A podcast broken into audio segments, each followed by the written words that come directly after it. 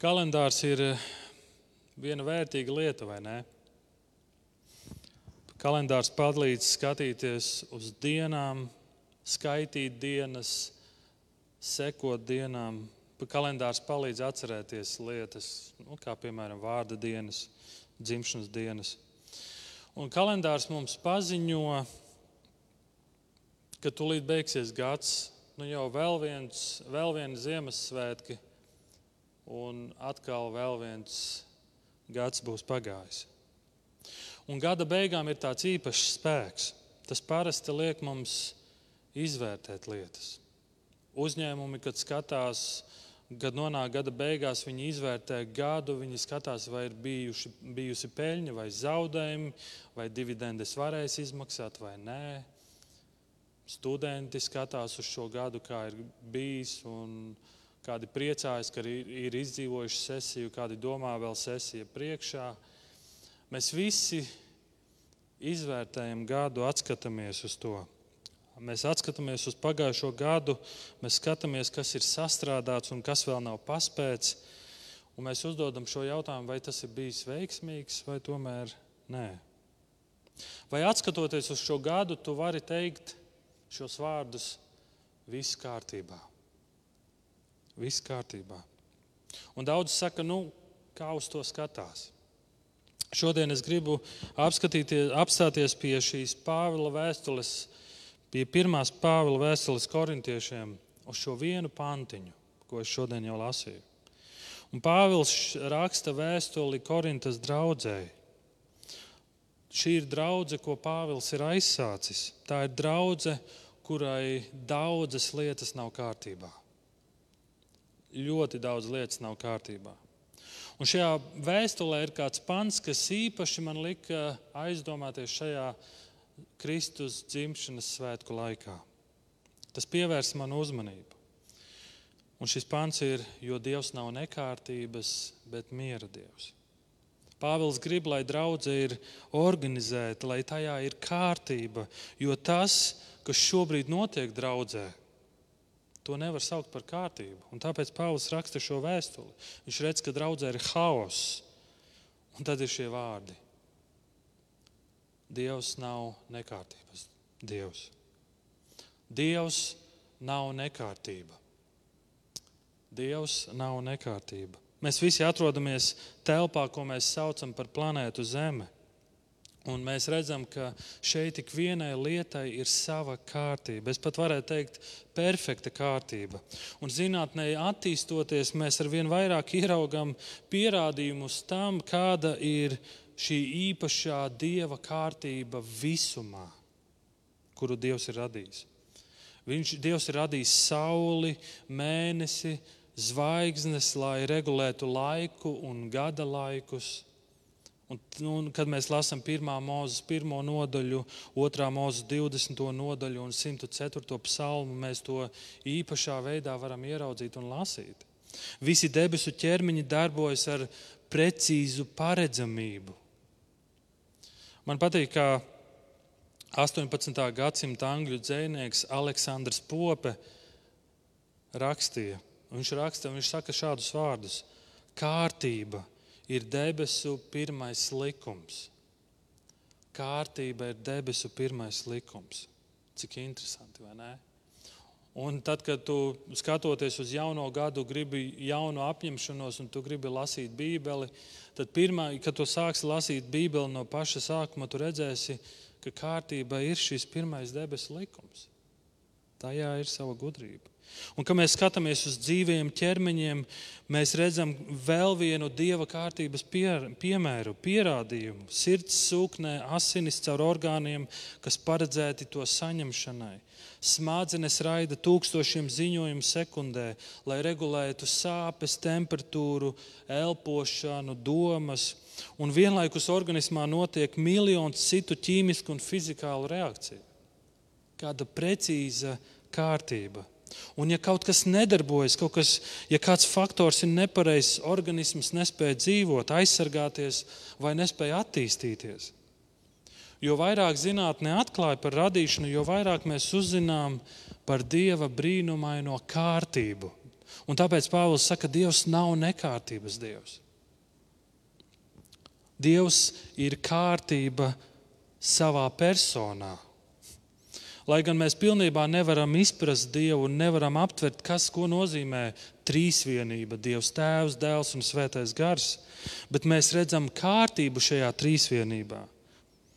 Tās ir atšķirīgas personas, bet tomēr tie darbojas pilnīgā saskaņā. Mateja 28. nodaļa. Ejiet un kristiet tēva dēla, svē, tēva, dēla un svētā gara vārdā. Un Jēzus, kad, kad māca mācekļus, viņš Jāņa 14. un 15. nodaļā runā par svētā gara nākšanu, uzdevumu. Tur ir kārtība. Pašā dievā ir pilnība. Dievam neko nevajag. Viņš ir pilnīga mīlestība.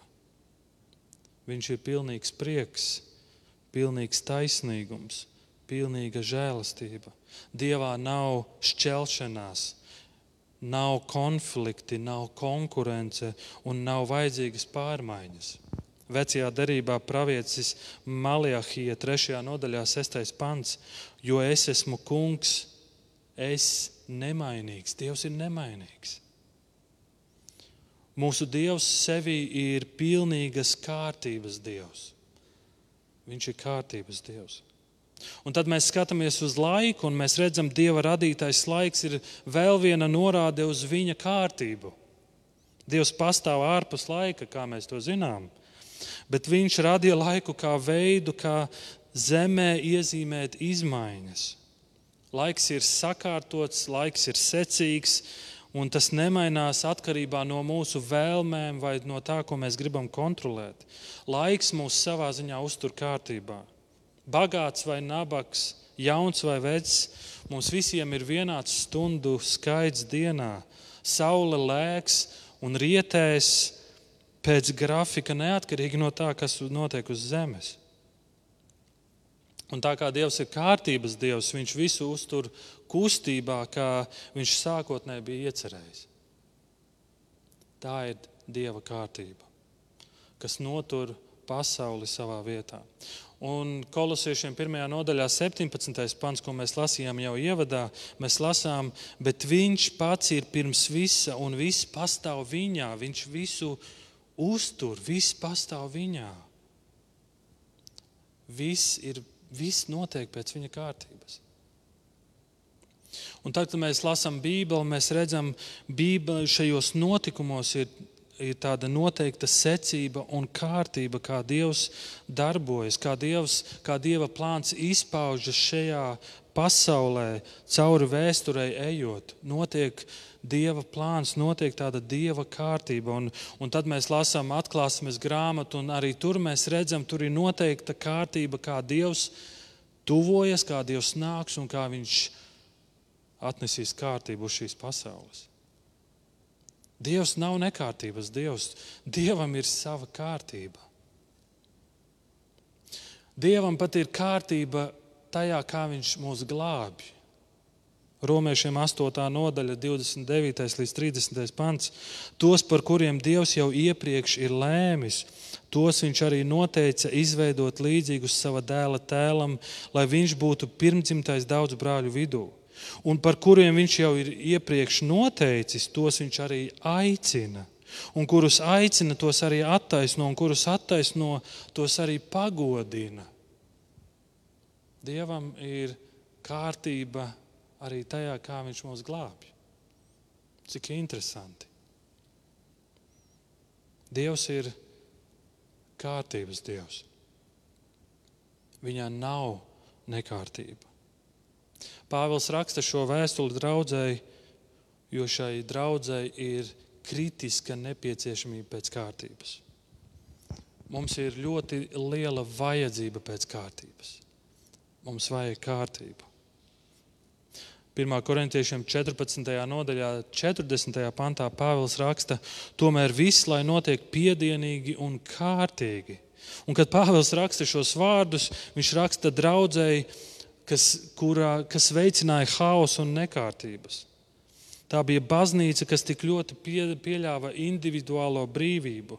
Katrs darīja to, kas ir patīkams viņa acīm. Tas veids, kā gara dāvanas tika izmantotas, tas dievkalp, šāda veida dievkalpojumu baznīcu padarīja par tādu kā trako namu. Tur nebija kārtības. Tā bija baznīca, kurā valdīja nekārtība, šķelšanās, nekādas vienotības. Un Pāvils skaidri norāda, ka pašu kristiešu pienākums ir izveidot kārtību un pēc tam strādāt, lai to uzturētu draudzē. Šai draudzē bija kritiska vajadzība pēc kārtības. Arī mums ir vajadzīga kritiska, ir šī kritiskā vajadzība pēc kārtības. Un, kad es saku mums, es domāju draudzes, valdības, individus, praktiski visu. Lasot ziņu portālus, viena no lietām, ko tu ik pa laikam pamani, ir, ir vajadzība, vajadzība pēc kārtības. Visur tu to pamani. Mums vajag sakārtot ceļus, mums vajag sakārtot skolas, mums vajag sakārtot slimnīcas. Kur vien apgrozies, tu redzi vajadzību pēc kārtības. Un šī vajadzība pēc kārtības ir tāpēc, ka mēs paši esam radījuši nekārtību. Mēs esam radījuši šo nekārtību. Mēs esam ielaiduši grēku savā dzīvēm, savos dārzos, savās pilsētās. Un zini, kāda ir viena no populārākajām mūsu reakcijām? Mēs vainojam Dievu. Un, un tas veids, kā mēs to darām, mēs bieži vien izsakām tādus skaļus jautājumus. Kāpēc Dievs? Kāpēc tu to esi pieļāvis? Kāpēc pasaulē ir tik daudz ciešanu? Kāpēc ir bats? Dievs, kāpēc? Dievs, kāpēc ir tāda nekārtība? Mēs vainojam Dievu. Bet šajā pantā Pāvils saka, ka Dievs nav nekārtības Dievs. Viņam nav nekāda saistība ar nekārtību. Dievam nav nekāda saistība ar nekārtību, ar haosu. Viņš nav tās radītājs. Bet Tomēr viena saistība ar nekārtību Dievam ir. Un vienīgā saistība ar nekārtību ir tā, ko mēs varam lasīt Jāņa evanģēlī 1. nodaļā, 14. pantā. Un vārds tapa miesa un mājoja mūsu vidū, un mēs skatījām viņa godību, tādu godību kā tēva vienpiedzimušiem dēlam, pilnu žēlastības un patiesības. Vienīgā saistība Dievam ar nekārtību, vienīgā saistība Dievam ar nekārtību ir viņa ienākšana tajā. Dievs ienāk šajā nekārtībā, Dievs ienāk šajā haosā un to pārveido un ienes kārtību. Radīšanas notikums, kad mēs lasām Bībeli no pašās pirmajās lapas pusēs, radīšanas notikums mums māca, kā Dievs no hausa rada kaut ko skaistu, kārtību. Viņš saka, šo, viņš saka vārdu, šis vārds ienāk tumsā un rodas kaut kas, kaut kas skaists, dārzs, kurā ir kārtība. Un kad Dievs visu bija pabeidzis, tu atceries, ko Dievs teica, kad viņš aplūkojās uz visu. Viņš apskatījās, viņš to visu aplūkoja, un, un viņš teica, visu labu esam. Citiem vārdiem viņš teica, viss kārtībā. Viņš palūkojas, viņš teica, viss kārtībā. Un tāpēc Jāņa evanģēlīja autors viņš atsaucas tieši uz to pašu. Viņš saka, iesākumā bija vārds, un tad 14. pantā, un tas mājoja mūsu vidū. Tas ienāk tumsā, tas ienāk haosā, nekārtībās, bezcerībā un ienes savu kārtību. Viņš ienāk, viņš atnāk uz šo pasauli un viņš saka, viss kārtībā. Cik skaisti, vai ne? Viss kārtībā. Kad tu pēdējo reizi esi dzirdējis šos vārdus? Bet tā patiešām ar tādu patiesu nozīmi. Kas ir šīs kārtības mērķis? Kārtībai ir noteikts mērķis, tu man piekritīsi vai nē? Un mēs varētu nosaukt tik daudzus mērķus, kārtības mērķus. Saulē ir jādod gaisma dienā, mēnesim naktī, un jāiezīmē gada laika dienas, gadi. Vegetācija nodrošina barību dzīvniekiem un cilvēkiem. Dzīvniekiem jāvairojas, cilvēkiem jāaugļojas un jāvairojas un jāvalda pār zemi un visu, kas tajā mājo. Kad visa radība saprot dieva radīto kārtību un dzīvo saskaņā ar to, tas radītājam dod prieku. Un mēs redzam, ka kārtībai ir mērķis, uzdevums un kārtībai piemīt šis skaistums. Un skaistums parasti ir tas, kas uzrunā cilvēkus. Skaistums ir kārtības skaistums, ir tas, kas piesaista cilvēkus. Tāpat kā puķa piesaista pievelk biti, mātīte pievelk tēviņu. Un kārtības spēks ir skaistuma spēks. Aptiekā un izgāstuvēs var būt daudz vienas un tās, pas, un tās pašas ķimikālijas, taču mēs dodamies uz aptieku, jo viss tur ir kārtībā, tur viss ir pievilcīgs. Tas sniedz tādu drošības un pārliecības sajūtu, bet tas, kas ir nesakārtots un nekārtīgs, tas nevilina savā klātbūtnē. Kārtībā ir skaistums. Cilvēks, kas kļūst par to, uz ko mudina dieva kārtība ir cilvēks, kas nes skaistumu jebkurā vietā un laikā. Un šis kārtības spēks padara šos cilvēkus par efektīviem Kristus lieciniekiem, kurš ir visas kārtības un skaistuma autors. Attiecības starp vīru un sievu, starp bērniem un vecākiem, starp pilsoņiem un valdībām. Ja tajā valda dieva kārtība, tajā ir skaistums. Un šis skaistums ir šī liecība pasaulē. Kā jau es teicu, mēs varētu teikt, ir ļoti daudz mērķi, uzdevumu, ko mēs varētu minēt. Bet šis mūsu šodienas pāns, ko Pāvils saka, jo Dievs nav nekārtības, bet miera Dievs, parāda kaut ko ļoti svarīgu un konkrētu, kad kārtības mērķis ir miers. Jo Dievs nav nekārtības, bet miera Dievs. Ļoti interesanti, ka tu paskaties, ko mier, šis vārds miers nozīmē, skan grieķu valodā. Un šis grieķu valodas vārds miers skan šādi: eirēne, eirēne.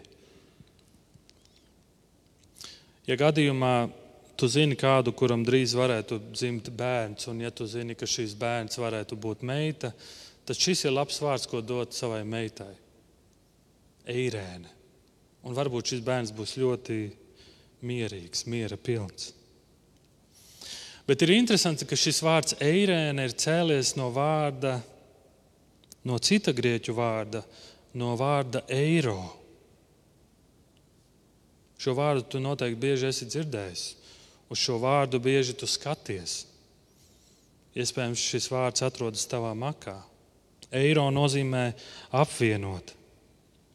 Bet, zin, kā no ebreju, ebreju valodā šis vārds skan, tas skan šalom, miers. Kad gani naktī ganīja avis, viņiem parādījās liels eņģeļu pulks un pasludināja prieka vēsti. Viņi pasludināja šalom. Un šis miers Šis miers nav vienkārši haosu, haosa vai problēmu nēsamība. Šis miers ir daudz, daudz, daudz vairāk. Tas ir viss, kas nepieciešams cilvēka labklājībai. Miers ar Dievu, miers ar līdzcilvēkiem, miers manī pašā. Jau no pašiem pirmsākumiem, kad mēs esam krituši grēkā, mēs jau no pašiem pirmsākumiem redzam haosu un konfliktus. Hauss un konflikts valda šajā pasaulē. Ābels un Kains konflikts starp brāļiem. Un tad mēs redzam nepārtraukti konfliktus laulībās, konflikti starp tautām, nepārtraukti konflikti un nemieri.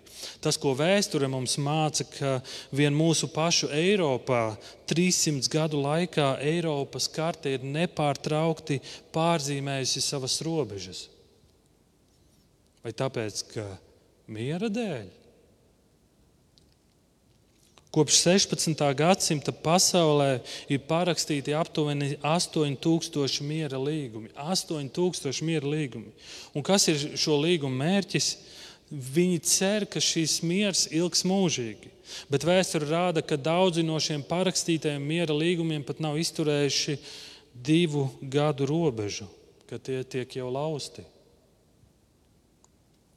Un tad mūsu vārdu krājumā ienāk tāds vārds kā stress. Esi dzirdējis šādu vārdu? Stress ir arī viena no nemiera pazīmēm, un vispār vārds stress ir jauns vārds. Tas nav nekāds vecs vārds, tas ir diezgan jauns vārds. Un ir daudzi psihologi un terapeiti, kuri pēta šo fenomenu, ko sauc par stresu. Patiesībā stress ir tik nopietna problēma, ka ASV ir izveidots stresa institūts. Tu pats vari par to pārliecināties. Ieraksti savā datorā, internetu pārlūkā stress.org. Un tu ieraudzīsi, tur ir, ir izveidots stresa institūts. Un izrādās, ir nodefinēti nežēlīgi daudz stresa veidi, kurus es pat nevaru nosaukt. Un, un ko šie eksperti šajā institūtā cenšas darīt? Viņi cenšas palīdzēt cilvēkiem. Viņi cenšas dot definīciju par to, kas ir pasaule un kā mēs šajā pasaulē iedaramies un kas mēs tādi vispār esam. Atverot šo mājaslapu, tu pašā pirmajā lapā, vismaz vakar, kad es vēl atvēru, tur ir šāds uzraksts. Numur viens veselības problēma Amerikā ir stress. Stress ir nopietna problēma. Tā ir tik nopietna, ka tai ir pats savu, savs institūts. Un kas ir tam iemesls? Tas ir miera trūkums. Dievs nav nekārtības, bet miera dievs. Iemesls stresam, nemieram, konfliktiem ir tas, ka mums trūkst dieva kārtība mūsu dzīvēm. Mēs to ignorējam, mēs to apmainām pret savu vai pret citu kārtību, bet Bībele to definē vēl labāk. Bībelē mēs lasām, mēs esam atsvešinājušies no Dieva. Mēs esam savas miesas iekāres paverdzināti. Mēs esam konfliktā ar Dievu, citiem un ar sevi. Vēstule romiešiem. Un ieklausies, ko saka vecās derības pravietis. Jēzus grāmatā, 57. nodaļā, no 20. panta, mēs lasām šādus vārdus. Bet ļaundari bango kā jūra, klusēt tie nevar. Tie uzbango savos ūdeņos dūņas un dubļus. Nav miera, saka mans kungs, nav ļaundariem miera. Cilvēks bez dieva kārtības, bez dieva miera ir kā jūra kas nepārtraukti bango, nepārtraukti trako. Un tas, ko mēs redzam pasaulē, tas, ko mēs redzam savos kaimiņos un ko mēs redzam sevī, mēs nepārtraukti esam kā tāda trakojoša jūra. Mums pietrūkst šī dieva kārtība. Dieva kārtība pasaulē, ģimenēs, attiecībās ar bērniem, laulībās, draudzībās, darba vietās un mūsos pašos. Dieva kārtībā ir miers. Dieva kārtība ir miers. Un tas ir viens no mērķiem, un tas ir tas, ko Dievs vēlas mums. Un tāpēc šis nākamais jautājums ir, kur šo mieru lai atrod? Kur šo mieru lai atrod? To nevar atrast institūtos, to nevar atrast programmās, to nevar atrast Netflixos vai YouTube. To var atrast personā. Jāņa 14. nodaļā Jēzus saka īpašus, sāk runāt ar mācekļiem, un viņš saka viņiem īpašus vārdus. Un līdz pat 16. nodaļai viņš daudzas lietas saka saviem mācekļiem. Un, un šis laiks, kad viņš to runā, ir laiks, kad viņš jūt, viņš zina, ka tuvojas viņa ciešanas un viņa nāve. Un viņš pirms šīs nāves viņš saka īpašus vārdus saviem mācekļiem. Viņš māca par palikšanu viņā, viņš rāda to, kā viņš ir piepildījis dieva kārtību, un lai viņi paliek Kristus kārtībā. Bet 14. nodaļa sākas ar vārdiem: Jūsu sirdis, lai neiztrūkstas. Nebaidies!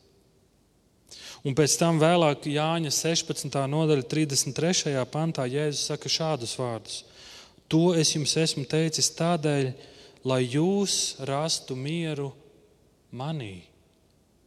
Lai jūs rastu mieru manī. Lai mēs rastu mieru Jēzu Kristu. Miers ir atrodams personā Jēzus Kristus. Jēzus nesaka, jūs atradīsiet mieru manās idejās, vai jūs radīsiet mieru paklausot baušļiem, bet viņš saka, tu radīsi mieru manī, personā. Neviens skolotājs nav teicis tik spēcīgus vārdus, un nevienas reliģijas vadītājs neko, ne no viena tu nedzirdi kaut ko tik spēcīgu. Citas reliģijas mācības piedāvā idejas, darāmo lietu sārakstu, ko tu vari darīt, lai, lai savu dzīvi censtos sakārtot. Bet šeit stāv šis vienkāršais Jēzus Kristus un saka, manī tu vari rast mieru. Manī tu vari atrast šo dieva kārtību. Kas ir šis cilvēks, šis galdnieks, šis vienkāršais Jēzus Kristus, kurš saka tik spēcīgus vārdus? Un tas ir tas, ko mēs lasījām ievadā vēstulē kolosiešiem. Viņš ir neredzamā dieva attēls. Visas radības pirmdzimtais. Caur viņu ir viss, kas radīts gan debesīs, gan virs zemes. Visas lietas ir radītas caur viņu un uz viņu. Viņš ir pirms visa, un viss ir dibināts viņā. Viņš ir savas miesas, baznīcas galva, sākums, pirmdzimtais no mirušajiem. Jēzu Kristu. Vai tu esi sev jautājis, kāpēc man reizēm ir tā, ka mana dzīve šķiet ir kā šī jūra, kas nepārtraukti trako? Kāpēc es esmu nepārtrauktā konfliktā ar sevi? Kāpēc man šķiet, ka es speru vienu soli uz priekšu, bet divus atpakaļ tāpat laikā? Kad Jēzus staigā pa šīs zemes virsmu, Ceļa malā sēdēja kāds akls vīrs vārdā Bartimējs, Marka evanģēlīja desmitā nodaļa. Un dzirdot, kad Jēzus iet garām, viņš skaļā balsī kliedza: Palīgā! Palīgā! Palīgā viņš sauca. Vai tu esi saucis uz Dievu palīgā? Palīgā Dievs! Glāb mani no šī konflikta ar tevi, Dievs! Glāb mani no konflikta ar sevi, palīgā, glāb mani no šī haosa, no nekārtības, ko pats esmu radījis savā dzīvē. Palīgā.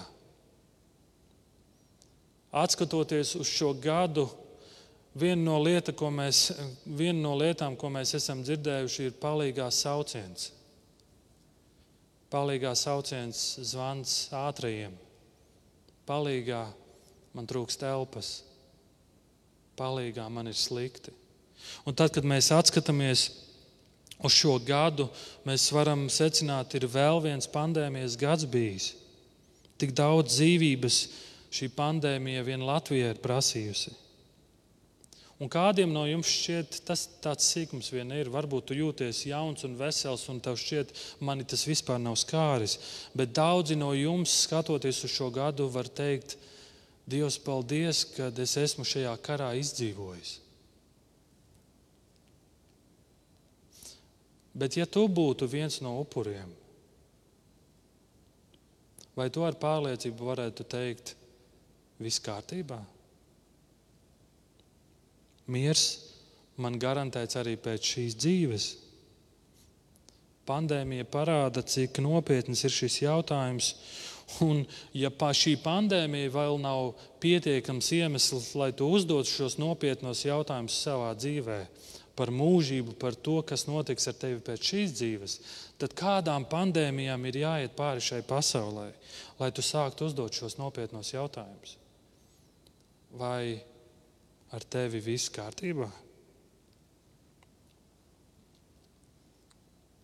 Kad es atskatos uz šo gadu, es atceros šī gada vasaru. Un, uh, es atceros uh, kādu īpašu dienu, īpašu rītu. Bija kāds atgadījums mūsu mājās. Mēs visi bijām izgājuši no rīta ārā, lai ēstu brokastis. Mēs izgājām mājas pagalmā, bija saulains rīts. Man šķiet, ka mēs ēdām brokastis. Un ejot ārā, mana mazākā meita Matilde, ejot ārā viņa durvīm, durvju iekšpusē, viņa tā pagriez tādu slēdzīti durvīm un aiztaisiet durvis. Klikšķi. Kā tāda kārtīga meita, viņa zina, teica un mamma saka, jāaiztaisa durvis aiz sevis. Viņa aiztaisīja durvis. Kad es gāju iekšā pēc ūdens, es saprotu, ka es netieku vairs iekšā. Durvis ir aizslēgtas. Visas durvis ir ciet un mājas atslēgas ir iekšā. Mēs vairs neviens netikām iekšā. Es jautāju meitām, kura no jums ir aizslēgusi durvis, un neviena no viņām neatzinās. Un tad es apsēdos uz krēsla un es sāku domāt, nu, ko tagad darīt, kā risināt šo, šo lietu, lai mēs tiekam mājā iekšā, jo visas durvis ir cietas. Es apsēdos un Tad pēkšņi mana mazā Matilda iekāpa man klēpī un dikti sāk raudāt. Un savā asarās viņa teica, tēti, piedod. Tēti, piedod. Viņa ar savām rokām aizsēda savu skatienu, jo viņai bija kauns skatīties, jo saprata, ka viņas dēļ visa ģimene ir palikusi ārā un netiek iekšā. Ziniet, ko es darīju? Un tā ir viena no lietām, ko es parasti daru ar savām meitām, kad viņām ir sāpes un asaras. Es samīļoju mazo Matildu, un tad es viņu satvēru aiz viņas mazajiem pleciņiem, maigi, un, un viņai teicu, paskaties uz mani. Meitiņa, paskaties uz mani, skaties uz mani. Un kad viņa ar savām asarainajām acīm skatās uz mani, es viņai saku, viss kārtībā hei, viss kārtībā. Mēs tiksim iekšā, tētis to atrisinās. Viss kārtībā. Man liekas, lūk, kur ir šīs labās ziņas, kad mēs lasām Dieva vārdu. Mēs ieraugam tur tik īpašas un labas ziņas. Dievs ienāk šajā nekārtībā, Dievs ienāk šajā haosā. Viņš ieskatās tev acīs un saka, Skaties uz mani. Viss kārtībā. Vai tu pazīsti šos vārdus? Pravieši sen par to pravietoja. Jēzus 7. nodaļa, 14. pants.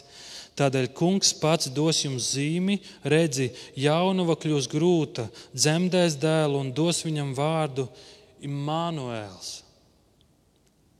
Imānuēls. Marija pati to piedzīvoja, un liecinieki to pierakstīja Mateja evanģēlijā. Mēs to lasām. Un par to ir Ziemassvētki. Dievs ienāk haosā, kārtība ienāk nekārtībā. Imānuēls, Dievs ar mums. Viņš atnāk un saka, es esmu ar tevi, viss kārtībā.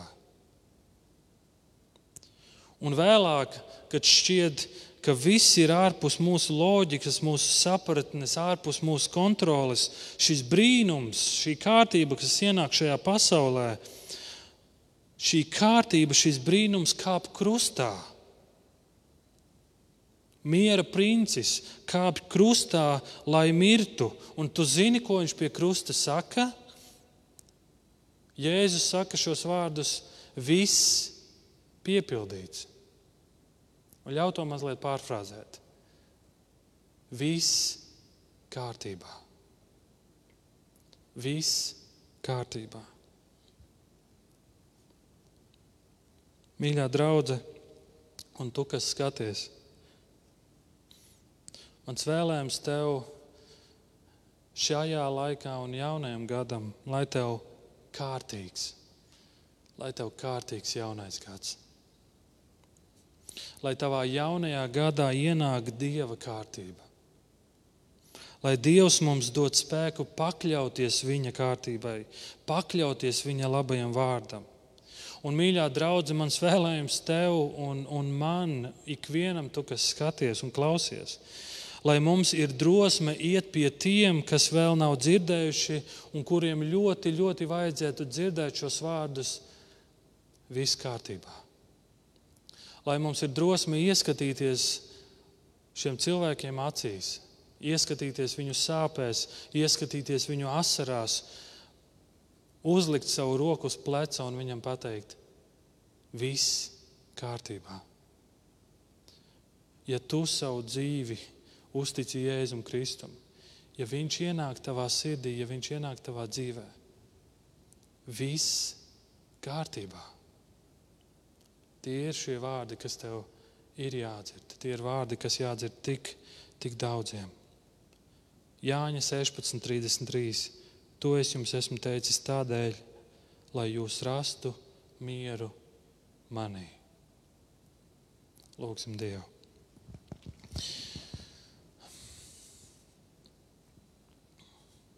Mīļais un labais kārtības Dievs, miera Dievs, es Tev pateicos par Tavu vārdu. Es pateicos, ka Tu nāci uz šo pasauli, lai mums pateiktu, ka viss ir kārtībā. Un tu ne tikai saki, bet tu dari, un tu ienāc mūsu dzīvēs, un tu ienes, ievies šo kārtību. Kārtība, kas ir skaista, kārtība, kas ir miers. Es tev par to pateicos, Jēzus Kristu, un es lūdzu par ikvienu no Vīlandes draudzes, par ikvienu, kurš skatās, par ikvienu, kurš tic, kurš vēl šaubās, kurš jautā. Es ļoti lūdzu, Jēzu, lai tava kārtība ienāk mūsu dzīvēm, lai mēs uzticamies tavai kārtībai, lai mēs tai uzticamies un ļaujam tai pilnveidoties un izpausties mūsu dzīvēm. Tavā kārtībā ir miers, tavā kārtībā ir skaidrība, Tur, kur tava kārtība, tur ir pielūgsme. Tur, kur tava kārtība, tur ir miers. Tāpēc es lūdzu Jēzu Kristu, sakārto mūsu, sakārto mūsu dzīves, sakārto mūsu pilsētu, sakārto mūsu pasauli. Jēzus Kristu, mēs tev pateicamies, miera princi, ka tu esi nācis. Mēs tevi slavējam un pateicamies tavā vārdā. Amen.